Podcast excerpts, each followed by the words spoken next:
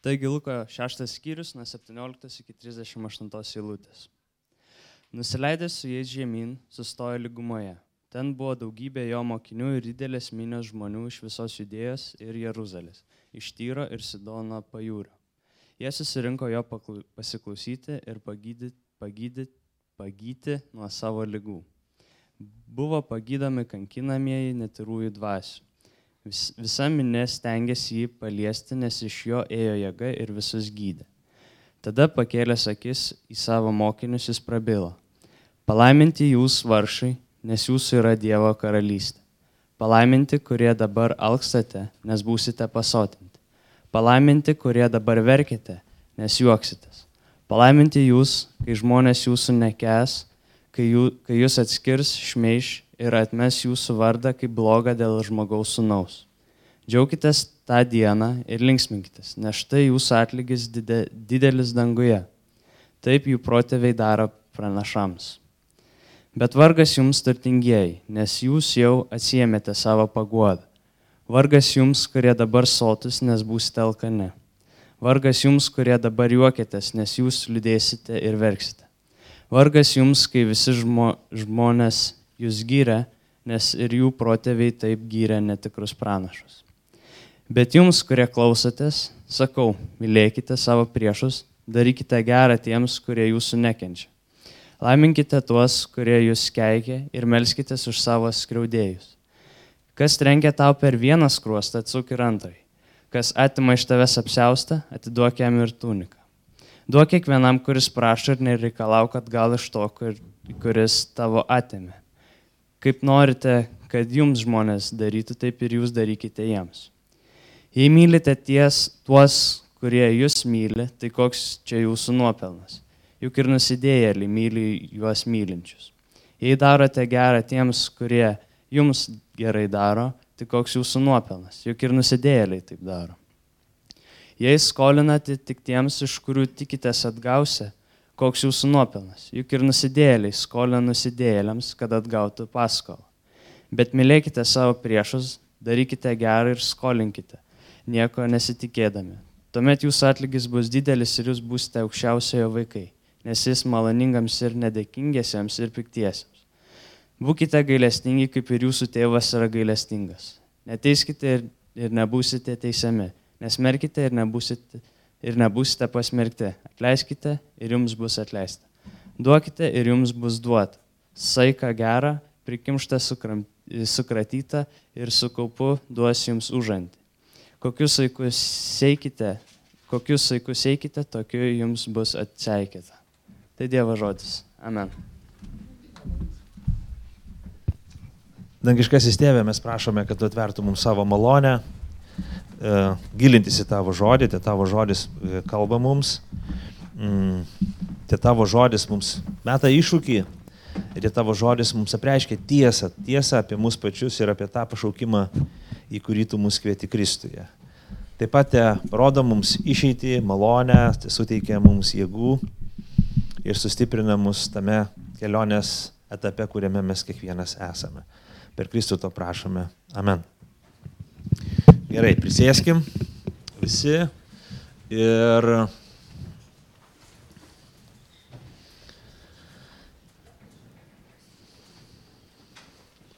mes toliau tęsėme žiūrėti į Jėzaus gyvenimą taip, kaip Jėzaus gyvenimą jo biografija prašo uh, evangelistas Lukas. Ir mes jau žinome, kad Jėzus tarnauja viešai, skaitėme prieš tai esančiose skyriuose tą žinę, kad Jėzus išėjo viešą tarnystę.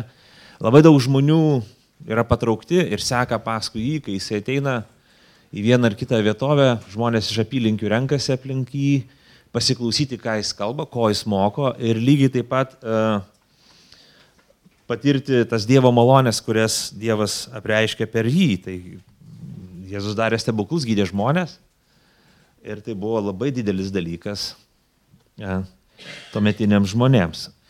Iki šito laiko jis ne tik susilaukė didelio žmonių dėmesio, bet su dėmesio ateina ir priešininkai.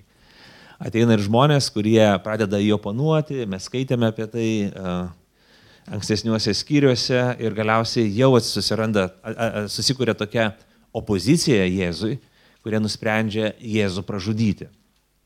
Ir šeštame skyriuje Jėzus lipa ant kalno, mes skaitėme praeitą sekmadienį 12 eilutėje, meldžiasi visą naktį, išrinka, ateina pas mokinius, išrinka paštalus ir, ir išrink, išrinktus mokinius, kurie yra arčiausiai jo. Ir jisai galiausiai ateiname prie tos vietos, kurią skaitame, skaitame šiandien. Taigi Jėzus uh, leidžiasi nuo kalno, nusileidžia nuo kalno ir jisai pasako lygumos pamokslą. Mums žinomas yra Jėzus kalno pamokslas toksai, bet kalno pamokslas užrašytas Mato Evangelijai, penktas, šeštas ir septintas skyriai, daug ilgesnis, bet šiaip galim sakyti identiškas šitam pamokslui. Šis trumpesnis ženkliai ir matyt pasakytas kitoj vietoj. Aš taip tikiu, kad Jėzus pamokslų sakė ne vieną, dėl to galėjo būti kelios versijos, buvo lygumos pamokslas, buvo kalno pamokslas ir taip toliau. Bet Jėzus susirinkusiems žmonėms miniai, kuri seka paskui jį, žmonėms, kurie atėjo pas, jo pasiklausyti, jis išdėsto tam tikrą karalystės manifestą, tam tikrą idėją. Bet čia aš norėčiau atkreipdėmėsi tam, tikrą, tam tikrus panašumus. E, kas žino Seno testamento istoriją, iš karto jam krinta į akį e, labai svarbus dalykas. E, Jėzus buvo ant kalno ir jis išsirenka mokinius. Mozė buvo ant kalno ir jisai, tiksliau, Jėzus atėjo melsis ant kalno ir paskui išsirenka mokinius. Mozė ėjo melsis ant kalno ir jisai gavo dešimt Dievo įsakymų. Mozė leidosi uh, nuo kalno ir paskelbė žmonėms įstatymą. Jėzus uh, leidžiasi nuo kalno ir jisai kalba žmonėms. Labai simboliška, kad Jėzus išsirinko 12 mokinių, ne 15, ne 10, ne 7, ne 9, bet 12. Tai vėlgi jis iššaukė su ta uh, istorinė situacija. 12 Izraelio genčių, giminių yra. Taigi mes matome tam tikrą tokį panašumą. Uh, tie žmonės, kurie dalyvavo, paskui tie, kurie skaitė ir kurie žinojo uh, Izraelio istoriją, jie turės sakyti, a, jau kažkur girdėta, jau kažkur matyta. Ir tuomet Jėzus sako tą pamokslą. Jis pristato šitame pamoksle, mes paskaitysime iki galo šiek tiek atkarpė, atkarpėlėmis, nes šeštas skyrius, šeštame skyriuje ir baigėsi Jėzus pamokslas. Jėzus pristato savo karalystės, Dievo karalystę, 20 eilutė parašyta, vaizdą, viziją, statusą ir gyvenimo praktiką, kaip jo karalystėje, jo žmonės, jo išrinktieji gyvens, kaip jie elgsis, kaip jie mąstys, kokiamis vertybėmis vadovausis. Tokia Dievas kuria naują karalystę, Dievas atnaujina karalystę, Dievas kuria savo karalystę ir tada jis sako, žiūrėkit, bet joje bus, joje gyvens, joje palaiminti bus tie, kurie va šitaip mąstys ir šitaip gyvens.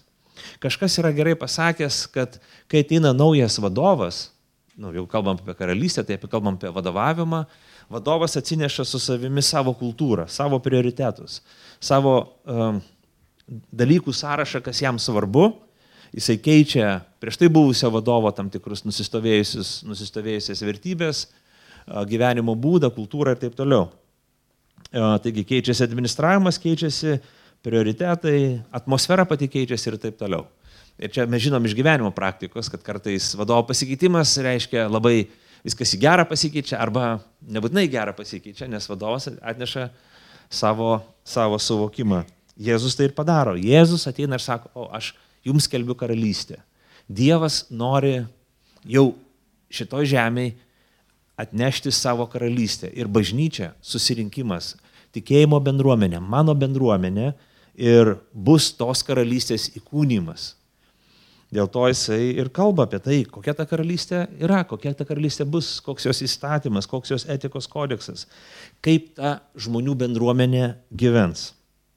Ir labai įdomu, visi komentatoriai pabrėžia tą daiktą, kad tai nukreipta ne į individą, Jėzus kreipėsi ne į asmenį, bet kreipėsi į bendruomenę.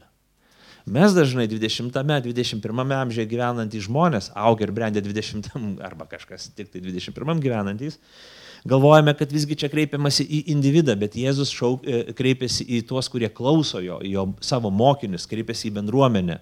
Ir jisai kalba apie bendruomenę. Ne individualiomis e, pastangomis mes esame pašaukti sekti paskui Jėzų Kristų, bet bendruomeninėmis. Mes esame pašaukti pažinti jį, gyventi su juo, sekti paskui jį kaip bendruomenė, kaip tikinčiųjų būrys. Ir Jėzus, tartum sako, hei, jūs norite sekti paskui mane, jūs atėjate pas mane, jūs apsisprendėte būti mano paštalais, jūs atsiliepėte mano pašaukimą, atsiliepėte mano išrinkimą. Gerai, dabar aš jums papasakosiu, kokią filosofiją turite vadovautis, kokiu požiūriu, kokiamis vertybėmis turit, turit uh, kokiu požiūriu vertybių turit laikytis. Štai koks bus žmogus, kuris seks paskui mane, štai kokia bus bendruomenė, kuri, kuris seks paskui mane, kuri, kurią aš būriu, kuri vadinsis mano vardu. Štai ką mano mokinystė, štai ką aš kaip mokytas noriu atlikti jumyse, štai kokį rezultatą aš noriu pasiekti. Ir jisai pradeda tai žodžiais palaiminti jūs vargšai. Taigi, pasižiūrėkime tą naują bendruomenę, kurią e, mūsų viešpats Jėzus kūrė. nauja, šiuo metu jau dabar nebėra labai nauja, nesakykime, prieš 2000 metų jis sakė šį pamokslą, bet taigi ta naujoji Jėzaus bendruomenė. Ir jisai kreipiasi ir sako, palaiminti jūs vargšai. Taigi karalystės vertybės, čia kalbama apie karalystės vertybės. Jis kalba apie tai, kas kas yra svarbiausia tiem žmonėm, kurie yra jo karalystėje, tiem žmonėm, kurie patikėjo jį ir seka paskui jį. E, dabar e, ketvirtadieniais vyksta alfa kursas ir mes jau porą kartų buvom susitikę e, ir, ir praėjusį ketvirtadienį kilo klausimas, nu gerai, jeigu aš jau patikėsiu Jėzumi, kas nutiks mano gyvenime? Kas bus su mano gyvenimu, jeigu aš patikiu Jėzų, nu tarkim, sakau, gerai, tikiu tavim, kas bus, ar aš tapsiu sėkmingas ir mano gyvenime viskas pradės sektis ir susitvarkys, susidėlios. Jis tiesiog man atrakins visas duris ir panašiai. Ir, ir jo, atsakymas yra ne, taip nebus. Jėzus netėjo į mūsų gyvenimą tam, kad mūsų gyvenimas susidėliotų, kad mūsų gyvenimas susidėliotų viskas, kad mes gyventumėm sėkmingą gyvenimą. Sėkmingą šio pasaulio akimis žiūrint. Ne, jis netėjo tam, kad mes turėtume daug pinigų. Jis netėjo į šitą pasaulį tam, kad visos mūsų problemos išsispręstų. Dabartinės. Arba taip, kaip mes žiūrim ir tai, ką mes vertinam kaip problemas. Jis atėjo išspręs problemų, bet tų, kurias, kurios jo akim yra pačios esminės ir svarbiausios, dieviškom akim, to žmogaus didžiąją raidę akim e, žiūrint, kurios yra pačios didžiausios. Ir čia išsiskiria dvi vertybių sistemos. Jeigu mes pasižiūrėtumėm, nes Jėzus pradeda palaiminimais, jis sako taip, palaiminti jūs vargšai 20 eilutė, nes jūsų Dievo karalystė. Palaiminti, kurie dabar alkstate, nes būsite pasotinti. Palaiminti, kurie dabar verkite, nes juoksitės. Palaiminti jūs, e, kai žmonės jūsų nekes, kai jūs atskirs, šmeiš ir atmes jūsų vardą kaip blogą dėl žmogaus sunus. Džiaukitės tą dieną, ir linksminkitės, nes štai jūsų atlygis didelis danguje. Mhm. Bet 24 eilutė sako, vargas jums turtingieji, nes jūs jau atsimetė paguodą. Vargas jums, kurie dabar sotus, nes būsite alkani. Vargas jums, kurie dabar juokėtės, nes jūs liūdėsite ir verksite. Vargas jums, kai visi žmonės jūs gyrė, nes ir jūsų protėviai taip gyrė netikrus pranašus. Taigi čia susiduria dvi vertybių sistemos Viena vertybių sistema, tai kaip kalbama apie tai, žiūrėkit, sako, vargas jums, turtingieji, tai turtas atneša galę. Vargas tiems, kurie garbinate galę, kurie siekiate galios, kurie trokštate turėti galę, kurie jaučiatės gerai, kai turite galę. Vargas tiems, kurie esate uh, sotus, kurie vertinate patogumą, malonumus ir galvoti, o štai gyvenimo tikslas yra turėti turėt, sukurti patogų gyvenimą, malonų, gerą gyvenimą. Sako, vargas tiems, kurie yra pikdžiugiški. Čia mes turime uh, lietuviškai ir kituose vertimuose uh, kalbam apie tai, kad vargas jums, kurie dabar juokėtės. Bet kai kas sako, kad geriau būtų versti tą žodį ne juokėtės, bet esate pikdžiugiški. Juokas ir pikdžiugas skiriasi. Mes juokiamės, e, kai tiesiog būna jokinga, kai būna linksma. Gerai yra juoktis, kai esi absurdiškoje situacijoje, juoktis iš savęs, iš savo kažkokių kvailų situacijų, kaip parkrenti ant ledo, nesusilaužęs nieko. Net jeigu susilaužai viską, e, vis tiek gerai pasijuokti iš savęs, sakyti, nu va, štai koks aš esu. Tai gyvenimui duoda daug tokio gražumo. Jėzus nesako, o tu pasijokiai, vargas tau, nes išgirdau juoką. Ne, ne, ne. Jisai kalba apie tai, kai mes būnam konkurencingi pikdžiugos. Kai mes kovojame vieni su kitais ir kai kažkam kažkas nutinka, kai kažkas atsilieka nuo mūsų, kai mes kažkur išsiveržiam į priekį, kai kažkam karma sumoka už jo nuodėmės. Ir mes tada džiaugiamės ir pikdžiugaujam. Jas, jas, tai tik įrodo, kad aš esu teisus. Ko vargas tau? Tas, kuris šaipaisi iš kitų, kuris didžiuojasi prieš kitus. Ir vargas tam, kuris gauni, kuris vaikaisi pripažinimo, kai esi visų giriamas kuriam stabas yra pripažinimas, autoritetas kitų žmonių akise. Kodėl? Dėl to, kad šitiem žmonėm šitos savybės, šitie dalykai yra kaip stabai, kaip galutinės vertybės. Jie žiūri į gyvenimą, jie žiūri į pasaulį, žiūri į šią regimybę per galios, per patogumo, pykdžiugos ir pripažinimo, konkurencijos ir pripažinimo prizmę visą gyvenimą. Jam gyvenimas yra šiapusybė ir jeigu jie tai gauna, tai pasiekia, jas mano gyvenimas išsipildė, aš pasiekiau tai, aš galiu pūstis, didžiuotis, aš galiu jaustis pasiekęs kažką savo gyvenime ir aš jau esu sotus, aš jau esu palaimintas. Tai yra galutinė statelė.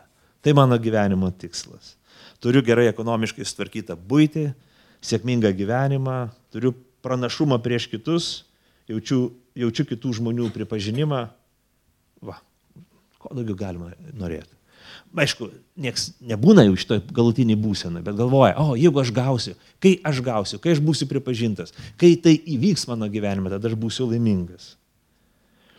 Ir Jėzus sako, mano karalystėje dėja tai yra vargas, nes tu nepamatai tikrųjų vertybių, tu nepamatai tikro dalyko. Tu galvoji, kad uh, šitie dalykai tavo uh, esminį klausimą atsako.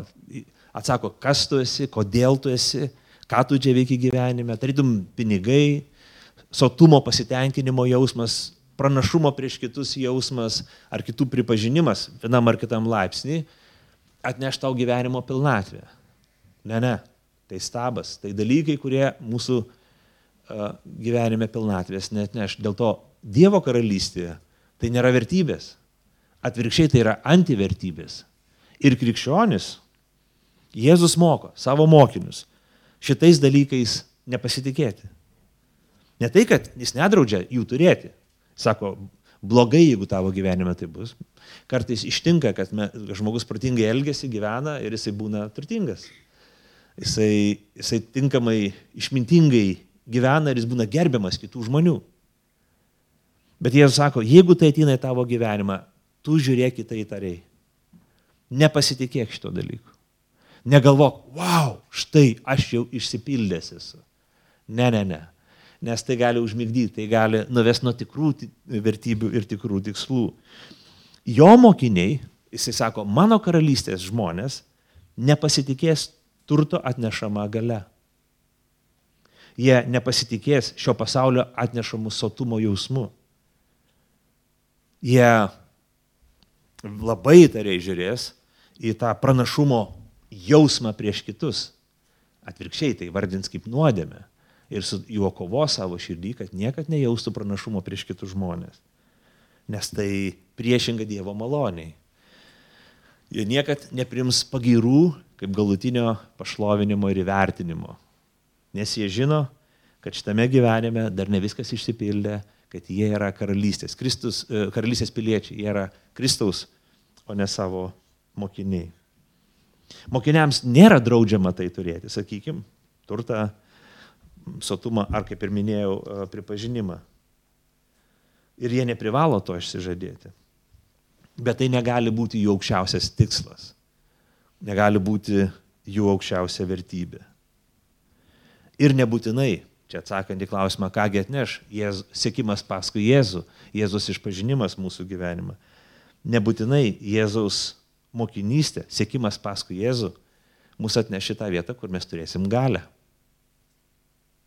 Nebūtinai mes būsim pasotinti šitame gyvenime. Nebūtinai ašaros bus nubrauktos šitame gyvenime nuo mūsų veidų. Nebūtinai. Nebūtinai. Gali būti, kad mes būsim keikiami dėl Jėzaus vardo. Net jeigu sekam paskui Jėzų. Arba netgi dėl to, kad sekam Jėzų, mes galime būti tokie kaip, kaip spogai, kaip karpos ant delno, kurie visiems netinkam, kažkur kliūnam. Ir visi nori mus nudrėkti ir sakyti, kažkoks nepatogus žmogus, nepatogi bendruomenė. Čia jie, čia šitie kažkokie keistai jie, čia kažkokie Jėzų. Visas Jėzus, vis, pakalbėk kaip su žmogum, tai vis apie Jėzų jie ten pasaka. Pa. Taip, pa, tai ašgi savim noriu pašnekėti. Ko tu čia dabar tą Jėzų kiši man pastoviai?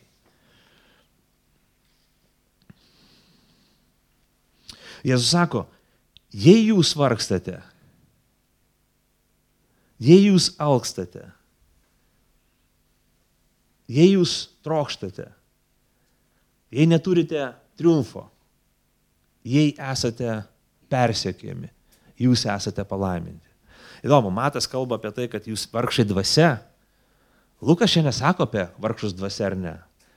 E, Matas rašo kalno pamokslę apie tai, kad e, palaiminti alksantis ir trokštantis teisumo. Lukas taip nerašo. Alkstantis. Ir Jėzus sako, sako, jūs esat palaiminti, jeigu Toliau jūs alkstate, trokštate, vargstate ir esate persiekimi. Ne ateity būsit palaiminti, bet jau dabar esate palaiminti. Jauskitės esą palaiminti jau dabar. Kodėl? Dėl to, kad esate ryšys su manim. Dėl to, kad jūs jau bendraujat su manim, jūs jau turite ryšį, jūs jau turite pasitikėjimą, jūs jau įženkite karalystę, jūs jau esate piliečiai. Jūs jau turite sandoros ryšius, tai kaip sutarties ryšius su manim. Tas turi atnešti jums saugumo pojūtį, užtikrintumo jausmą ir džiaugsmą netgi tokiuose sunkiuose dalykuose. Taigi žiūrėkim, kas labai svarbu, kad krikščionis nepuls į paniką ir į neviltį tuomet, jeigu jų gyvenime bus kančios, bus nepritekliaus, ne viskas bus gerai, jie nebus giriami ir nebus pašlovinti. Jų gyvenimas nesubirės į šipulius kaip tų žmonių, kurį, kurių gyvenime tai aukščiausia vertybė. Jeigu aš siekiu turtų ir jų neturiu, vargas man. Ka kančia. Prakeikimas, tikrai prakeikimas. Bet jo vaikai jau turi didžiausią turtą - bendrystę su Dievu, ryšį su juo. Ir tada jie gyvenime gali neturėti visų tų dalykų. Ir tai nebus labai malonu, neturėti pinigų, neturėti santaupų, alkti, būti keikiamam, bet jie sako, jau dabar jūs esate palaiminti, nes, nes jūs esate su manimi. Jėzus nemoko, kad jūs turite siekti alkio, troškulio, ištaškyti pinigus ir neracionaliai elgtis su pinigais, elgtis bjauriai su kitais žmonėmis, kad jie jūsų negerbtų ir taip toliau. Ne.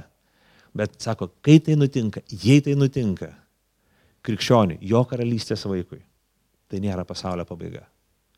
Jisai galbūt sudreba, galbūt sudreba, e, su, su, sukruta viskas, susibuoja, bet sako, ne, ne, ašgi priklausau Kristui.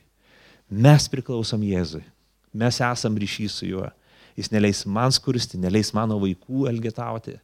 Jis mūsų bendruomenę pasirūpins, nes jis yra mūsų Dievas.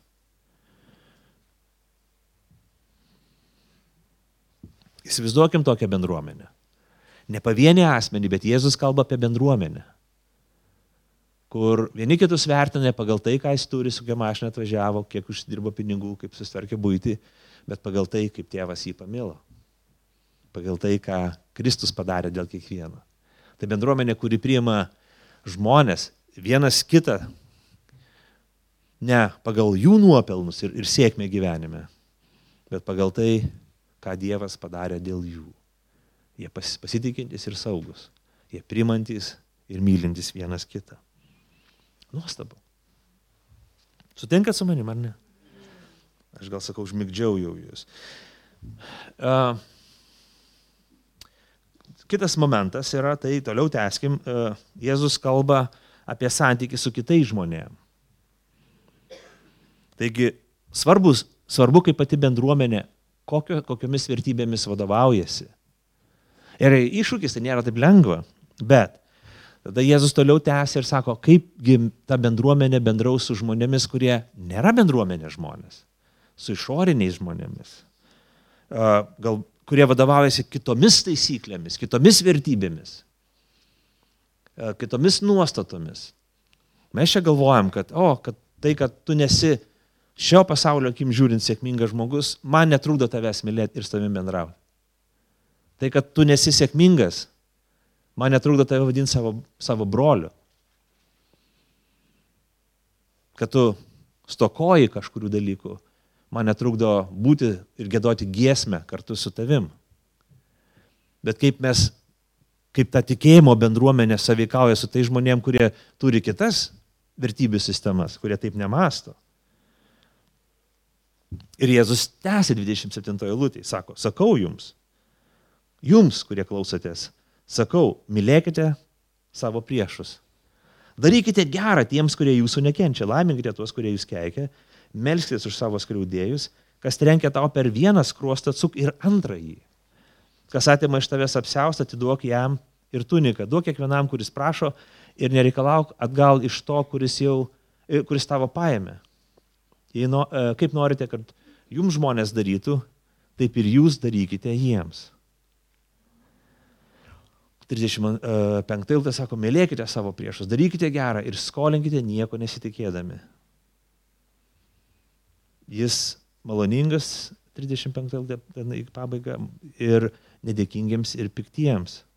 Būkite gailestingi, kaip ir jūsų tėvas yra gailestingas. Taigi žiūrėkime, Jėzus sako, kad jo bendruomenė vadovaujasi kitom vertybėm, visai kitom vertybėm, tarytum apversa karalystė. Šitame pasaulyje visi žmonės ieško galios, pripažinimo, autoriteto, įtakos ir taip toliau, sėkmės, bet jo karalystėje sėkmė kitaip matuojama - santykė su Kristumi ir santykė vienas su kitu. Bet dabar Jėzus meta dar tolimesnį iššūkį ir sako, palauk, bet kai bendraujame su kitais žmonėm, mes išlaikome tą patį santykį su jais. Jiems siekiame gero, su jais elgiamės oriai. Taip pat kaip su tai žmonėm, kurie yra bendruomenės viduj. Nesiskiria. Net jeigu jie elgesi kitaip. Žiūrėkit. Ir Jėzus kalba, sako, nu, mums, mums tarsi suprantama, kad jeigu su manim elgesi gerai, tai aš tai žmonėm noriu gerai elgtis. Ne visą laiką tai pavyksta, bet nors kiek išauklėtas žmogus, jisai taip jau kažkaip supranta sąžinę, jam jau primena, mina ant kojos ir primena, hei palauk, taigi tie žmonės tavo akių nedraskė, tu irgi biški mažiau draskyk. Nu, taip, tada žmogus susi, susimasto, susigalvo, kai kuris, ne, ir tada mes galvom, o, nu, tai tokiu, mes tokiu simetrišku vedrodiniu elgesiu. Nu, at, kaip, jeigu tu gerai, tai ir aš gerai. Jeigu tu gražiai, tai ir aš gražiai. Jeigu tu mane gerbi, nu tai gerai tvarkoju, aš tave gerbiu. Jeigu tu man darai gerą, aš tau darysiu gerą. Bet jeigu tu man darai blogą,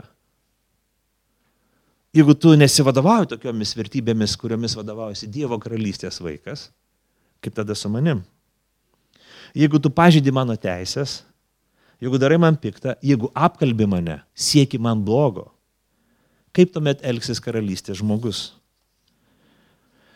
Simetriška, tas vedrodinis santykis būtų taip, dantis už dantį. Čia mums irgi sunku, nes paprastai dantis už dantį būna du dantis už vieną dantį.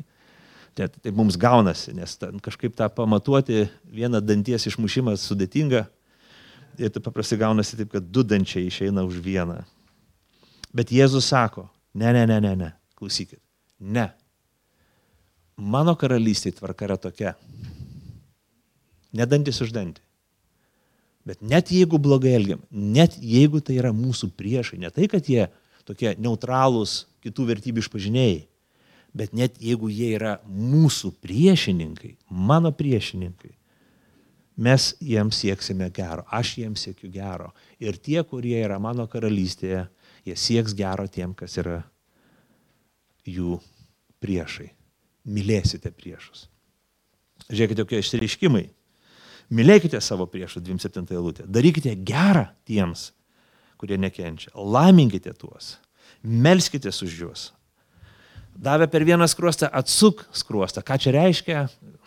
Man patiko vienas aiškinimas rytų kultūrai žmonės sveikinasi bučiuodami vienas kitą. Dėl to, kai, kai susitinka žmonės, jie, jie bučiuojasi, palenkia vienas kitą, duoda skruostą ir vienas kitam bučiuoja. Ir kai tau kažkas trenkia, tu atsitrauki. Kai kažkas įžeidžia tave, tu atsitrauki nuo to žmogaus. Jie sako, ten ne, ne, nepasitraukia tavo geronoriškumas to žmogaus atžvilgiu, jis trenkia tau bet tu vis tiek atsuks kruostą. Bučiuok jį toliau. Toliau te tavo intencija jo atžvilgiu. Tavo vidinė motivacija bus gera. Atiduok jam tuniką, jeigu savęs prašo. Duok kiekvienam, nereikalauk uh, atgal iš to, kas iš tavęs atėmė. Kaip nori, kad žmonės tau darytų, tu daryk jiems taip. Mylėk savo prieš, daryk gerą, skolink ir nieko nesitikėk. Taigi, žiūrėk, Jėzus nesako. Mes kartais galvom, nu gerai, nu davai, nu, jau, aš irgi, tai man labai patinka tokia, kaip nori, kad, kaip tenai sako, ten, ten tas va, Dievo žodis, žinau, žmonės, kad darytų ir aš, aš taip ir vadovaujasi karočią, aš taip ir darau. Tai žinai, ten man padar, aš sakau, nu geriau, aš esu šūdu, ne, nesitepsiu rankom ir tada jau neatsakysiu tuo pačiu. Jėzus nesako, kad nutilėsi, padarė tau kažkas bloga, nutilėsi, sukandęs dantis atsitrauksi, pilnas pykčio kartėlio ir nepykantos ir lauksi, kada Dievas moks tam tavo priešui į dantis, kad ta karma išsipildys jo gyvenime. Jėzus nesako taip. Jis nesako, kad jo tauto žmonės lauks pasiekmių rezultato, Dievo teismo, keršto, atlygio. Tokia pasyvioji agresija. Sukontroliuojam save, bet viduj konkuliuojam ir nekenčiam tų žmonių toliau sėkmingai. Užmaskuota, tokia tolerancijos tokiu plonu audeklu, uždengta. O ne, nu man tai jo. Ne, ne, sako, jūs aktyviai darysite viską, kad šitiem žmonėm parodytumėt gerą. Tai bus ne atsitraukimas, toks pasyvus stebėjimas, bet aktyvus, valingas gėrio siekimas tiem žmonėm, meilės demonstravimas. Jūs kalbėsite, kas tai yra meilės demonstravimas kitiems žmonėm. Tam tikrą prasme, žinai, jeigu kažkoks žmogus blogai daro mano gyvenime ir žiūris, ar nu, mano šeimos bendruomenės atžvilgių, jis blogai daro, aš suprantu, kad blogis ilgainiui bus pasmerktas ir jis susilauks savo pasiekmių. Tai tam tikrą prasme ciniškai yra atsitraukti ir žiūrėti, kaip tas žmogus darys blogą ir paskui bubum. Pražus. Jeigu per sniegą užsninga sniegas, kelias nenubarstytas ir važiuoja automobilis labai greitai.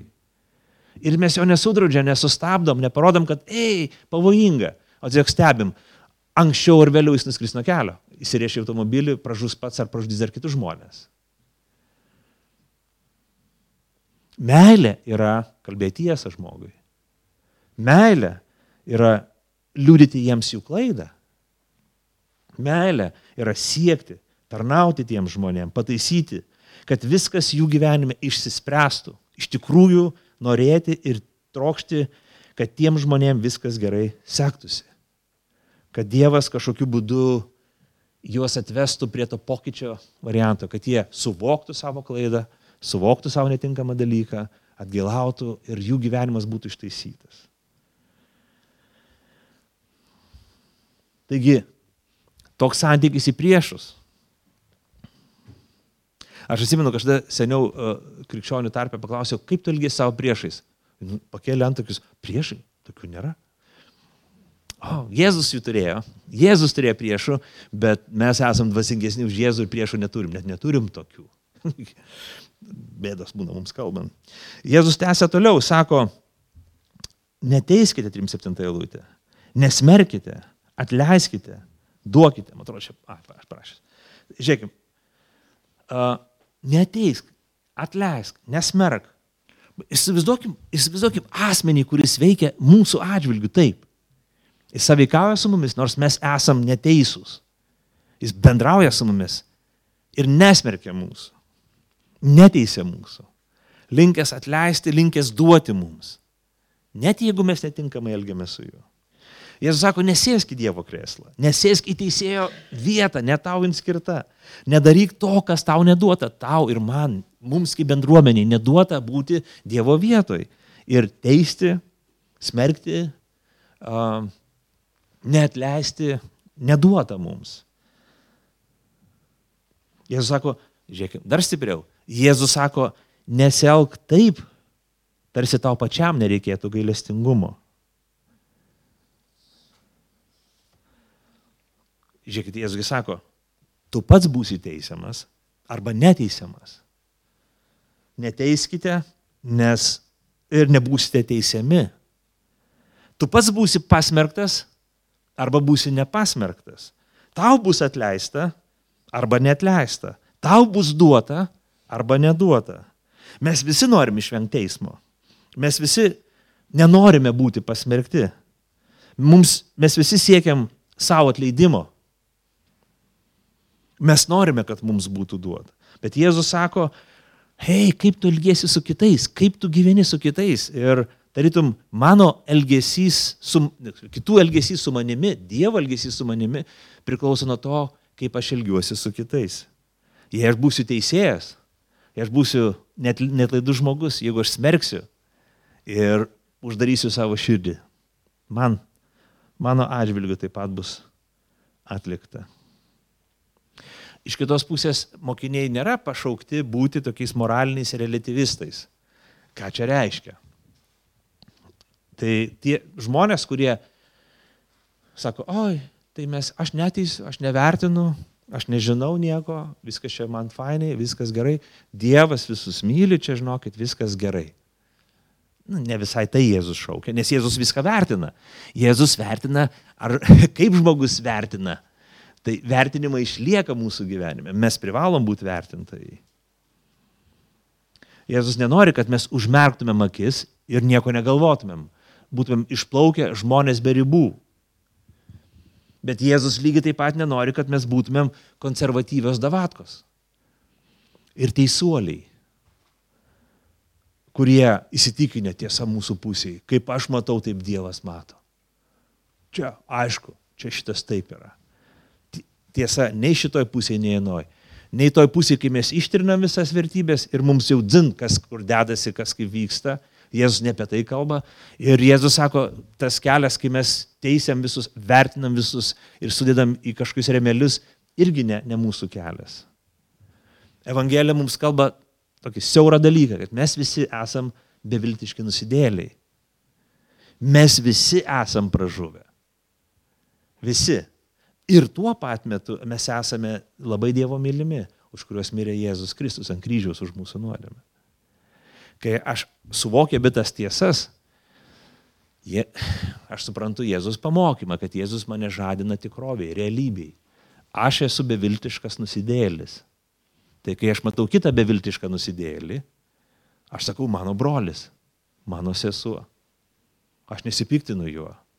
Aš suprantu, o, Nuogas kaip aš, silpnas kaip aš, nusidėlis kaip aš. Ir man neišeina jo smerkt, jam net leist ar nuteisti, nes Jėzus pasigailėjo manęs. Tada aš galvoju, o Jėzau, kaip manęs pasigailėjai, taip gali pasigailėti ir šitą nusidėlę, su kuriuo aš dabar bendrauju.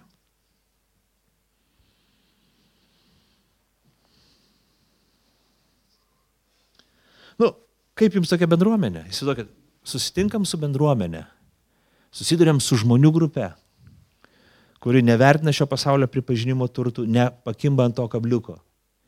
Vertina vieni kitus ne taip, kaip žmonės linkia vertinti, ne taip, kaip mums įprasta, bet taip, kaip Dievas mus vertina.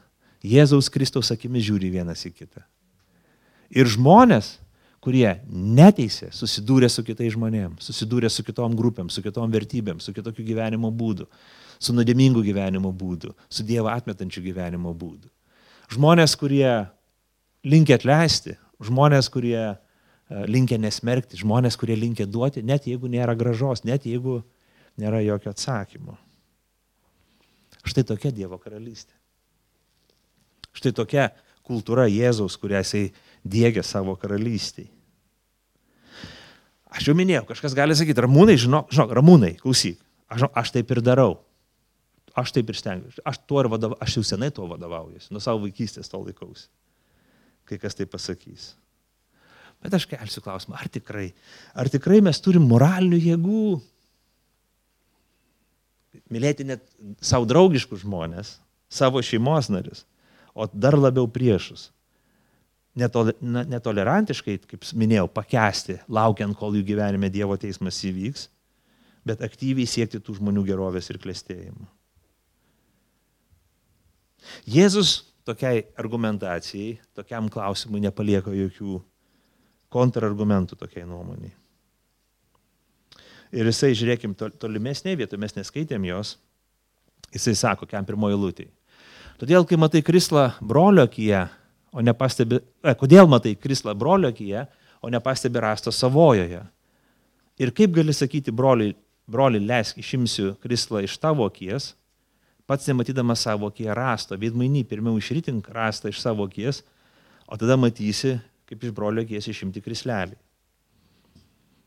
Taigi žiūrėkim, kai mes labai gerai galvojam apie save, kai mes turim gerą nuomonę apie save, kai mes galvojam, kad mes esam morališkai, dvasiškai tokie pažengę žmonės, dažnai visada, aš sakyčiau visada, šitas geras galvojimas apie save eina ranko, rankon su kitų niekinimu ir žeminimu, su realybė, nedekvačiu realybės suvokimu.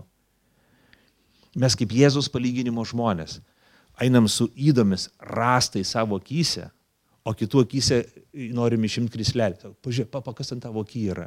Ir norim juos pataisyti. Bet mes surastu einam, daužom visiems kitiems per galvas, krenta mums ant, ir kitiems ant kojų.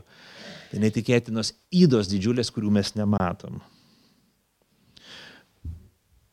mūsų nuodėmė esanti mumyse mums net neleidžia matyti objektyvios tikrovės ir realybės. Dėl savikritikos blaivaus vertinimo stokos. Tos pasiekmes gali būti pražutingos. 39 eilutėje Jėzus sako, ar gali aklas vesti aklą, argi ne abu krisi duobę. Kai mes negalim tinkamai įvertinti paties savęs, kai mes negalim pastebėti, kad mes vaikštom su rasto akį, ir labai piktinamės kito akį matydami krislą, mes iš tikrųjų esame akli. Tam tikrų būdų mes esame akli. Ir Jėzus sako, klausyk, jeigu aklas aklą veda, kas, kas bus, kaip baigsis abiems, abu krisiduobė. Taigi pasiekmes yra pražutingos, Jėzus sako. Ir Jėzus sako ne tai, kad kaip dažnai linkia mąstyti religiniai žmonės, kad mes šiaip iš esmės nesam neblogi žmonės, mums biški trūksta, šiek tiek trūksta tokios savikontrolės. Nu jo, jo, jo, nu, man patiko pamokslas, man tai primena, kad man biški reikėtų susimti, biški mažiau valgyti. Tai sakiau, dabar antro deserto nebeimsiu dabar savaitę. Toks, va, nu, kažkaip susimti reikia. Ką? Ne, ne, ne, apie tai, ne apie tai. Jėzus kalba ne apie pavienį mūsų gerumo truk, trukumėlį, bet apie pastovų būvį, genetinį vaisių, kurį mes produkuojam. Žiūrėkit, kem trečia eilutė sako. Nėra gero medžio, kuris duotų blogus vaisius ir nėra blogo, kuris duotų gerus vaisius. Kiekvienas medis pažįstamas iš jo vaisių. Nuo arškiečių niekas nerenka figų, nuo gervogių krūmo neskina vynogių. Geras žmogus iš gero šird, savo širdies lobino iškelia gerą, o blogas iš, blo, iš blogo savo širdies lobino iškelia blogą jo lūpos kalba tai, ko pertekusi širdis. Jėzus sako, paprastą daiktą. Nėra taip. Aš net nežinau, ar kokį čia vaisių paim. Taugini, turi, o, o, auga obelis ir tai staiga arbūzas užauga. Bum, ant šakos, arbūz, užauga arbūzas. Tiesiog vienas, bum, arbūzas. Ne, nebūna taip. Arba tu turi vyšnę ir tada erškėčių, tam, tos kažkokie ten arškėtrožių ogytės užauga. Viena ogytė užauga, bet šiaip tai visas taip vyšnios, daug daugiau mažiau. Taip nebūna, yra vientisumas. Medžio vaisiai kalba apie medžio struktūrą, apie gen genetiką, apie medį, kotą, šerdį, šaknis, šakas. Ir tai, koks medis yra, tokie bus jo vaisiai. Ir jeigu nors vienas sumautas vaisius užauga ant to medžio, rodo, kad tas medis blogas yra. That's it, viskas. Ne tai, kad, o, biški problemėlę turiu. Ne, ne.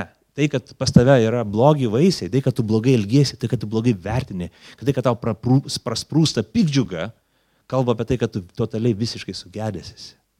Genetiškai esi blogas. Nes jeigu tu būtum geras, tavi net neauktų šitie dalykai. Obelis nesijauna, oi dabar bus vaisiaus metas, kad tik kreušių neužauginčiau. Nes e, sodininkui labai patinka oboliai, kad tik kreušių, kad tik kreušių. Oi, o žiūrėk, ant šios šakos kreu, oboliai auga. Čia ne, nesijaudina, nes obelis tai ir produkuoja. Na, ką, žiūrėkit, e, lūpos kalba tai, ko pertekusi širdis.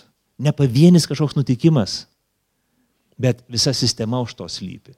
Jie sako, bėda yra fatalinė, esminė, bloga. Ne tai, kad man kažko biškai pritrūko. Mes kalbame, mes vertiname, mes mastome. Tik taip ir ne kitaip, kokia yra mūsų širdis. Mes galim ką savo į lūpą ir nekalbėti, bet tai, ką mes mastome, mes esame. Tai kaip mes puikuojamės prieš kitus. Tokie mes ir esame, tokie mūsų širdis. Dėl to klausant viešpaties pamokymo, lygumos pamokslo ar kalno pamokslo, mes neturėtumėm sakyti, o, fainai, gerų patarimų, man labai buvo naudinga, tikrai dabar antro deserto nevalgysiu. Netaip turim reaguoti, kad, o, aš pasistengsiu būti geras žmogum. Mes turėtumėm sakyti, viešpatie Jėzau, gelbėk padėk, man yra vargas, aš negaliu to padaryti, tai yra neįmanoma man. Aš to negaliu pasiekti. dar vieną rašto vietą parodysiu. O, čia kažkur dar turėjo būti, žiūrėkim, čia labai svarbi rašto vieta. E, laiškas romiečiam, penktas skyrius, dešimtą eilutė. Mes turim nepamiršti labai svarbus daikto. Kad mes buvome Dievo priešai. Kad tai, ką Jėzus kalba apie meilę priešams, jisai ne tik kalba teorinį klausimą, kas bus, jeigu tu gyvenime sutiksi žmogų, kuris savęs nekenčia, kuris bus tavo priešas. Evangelija mums kalba tokį daiktą, kad mes Tol, kol nesusitaikėme su Kristumi, mes esame Dievo priešai. Jėzus atėjo į šį pasaulį, kad mums tarnautų. Ne kad pasmerktų, ne kad nuteistų, ne kad uh, neatleistų, ne kad neduotų, bet atvirkščiai jis atėjo uh, tarnauti, duoti, nesmerkti, neteisti, atleisti. Tai, ką mes skaitome apie meilės veiksmus, taip Jėzus su mumis elgesi, su visais žmonėmis elgesi. Jis myli savo priešus, jis daro gerą tiems, kurie jo nekenčia, jis laimina juos, nekeikia, jis meldžiasi už savo skriaudėjus, jis atsukas e, savo antrąjį skruostą, net jeigu žmogus priešiškas, viešpas pasilenkia ir lieka geranoriškas to žmogaus atžvilgiu. Jis, kai, kai net jeigu žmonės blogai elgesi, Dievas duoda geras dovanas žmonėm. Ir Nes sako, o aš tau daviau, dabar tu man turėsi gražinti. Apiskaitą duos, bet Dievas duoda negailėdama žmonėm. Jėzus šitą žemę atėjo nesusidoroti su mumis, bet mums tarnauti. Jis atėjo mūsų atpirkti. Jėzus įkūnijo meilę. Ir jis nenori sukelti mums beviltiškumo. Jis nori, kad jo bendruomenė būtų tokia pat atperkančioji bendruomenė savo aplinkoj. Kad jo karalystės žmonės, panevežį, Vilniui, nežinau, kituose miestuose, visame pasaulyje, kur yra, kad tai bū, tos bendruomenės būtų jo karalystės ambasadomis. Tai yra, tie, tai yra būtų bendruomenė žmonių, kurie siekia žmonių atpirkimo, kitų žmonių atpirkimo. 40 eilutė sako, mokinys nėra viršesnis už savo mokytoją. Kiekvienas mokinys, jei gerai išlavintas, bus kaip jo mokytojas. Taigi, ar tai mums įmanoma? Taip, įmanoma. Nežiūrėkim, 36 eilutė sako, būkite gailestingi, gailestingi, kaip ir jūsų tėvas yra gailestingas. Įmanomybė įmanoma tuomet, mūsų pasikeitimas ir gebėjimas gyventi pagal jo mokymą tampa tuomet, kai, mes, kai Dievas mus atgimdo. Kai per atgimimą Dievas sukuria naują žmogų mumise kai mes suvokiame, kad nesame šiek tiek pagedę, bet kai suprantame, kad aš kaip medis esu visiškai sugedęs ir man reikia viešpatė Jėzau, kad tu mane išvaduotum ir išgelbėtum. Tu vienintelė mano viltis. Man nereikia daugiau sėkmės, man nereikia daugiau kažkokio gyvenimo ten malonumų, pripažinimo. Ne, man reikia, kad tu ateitum mano gyvenimą. Ir tai keičia iš esmės mūsų gyvenimą. Jėzus mus atgimdo iš nenykstančios sėklos. Tada šventoji dvasia gyvena mumyse. Šventoji dvasia, kurie reiškia Dievo žodį. Šventoji dvasia, kuri mus moko išminties. Šventoji dvasia, kuri mus veda į bendruomenę, tikinčiųjų susirinkimą. Ir kuri pradeda mumyse ryškinti Kristaus paveikslą ir charakterį. Primenu, kad tai yra bendruomenės pašaukimas. Praleidžiu vieną dalį, Jėzus pamokslą pabaigė palyginimu apie du namus. Galite paskaityti namuose, apie namą, kuris su pamatu ir namą, kuris be pamato yra. Sako, klausykit ir vykdykit. Tik paklausimas, tik pamastymas, tik pasvarstymas nieko neduoda. Jėzus sukuria įtampą ir sako, klausykit, nes jūsų pasirinkimas taip, kaip pasirinksit mano žodžius, taip kaip tai, ką pasirinksit išklausę mano uh, mokymą, nulems jūsų gyvenimą ir likimą. Kelios pastabos mums. Pamokos, kurios galėtų būti mums naudingos. Tai pirmas dalykas, mes galę, patogumus, didžiavimąsi savimi, pripažinimą žiūrim įtartinai jie gali lengvai tapti mums stabais. Dėl to mes žiūrim labai tartinai ir nesidžiaugiam, netriumfuojam kiekvieną kartą, kai kažkas panašaus vyksta mūsų ar kitų gyvenime. Mes sakom, ha, ok, slidus kelias. Nežinau, ar čia labai gerai. Tai nėra blogybė, ką mes turėtumėm nu, prakeikti ar ko išsižadėti, bet mes žiūrim su įtarimu. Jei mes patiriam vargą, alkį, kančią, persiekimus dėl Jėzaus, tai nėra gyvenimo pabaiga, broliai seserys nes mes turime bendrystę su Dievu.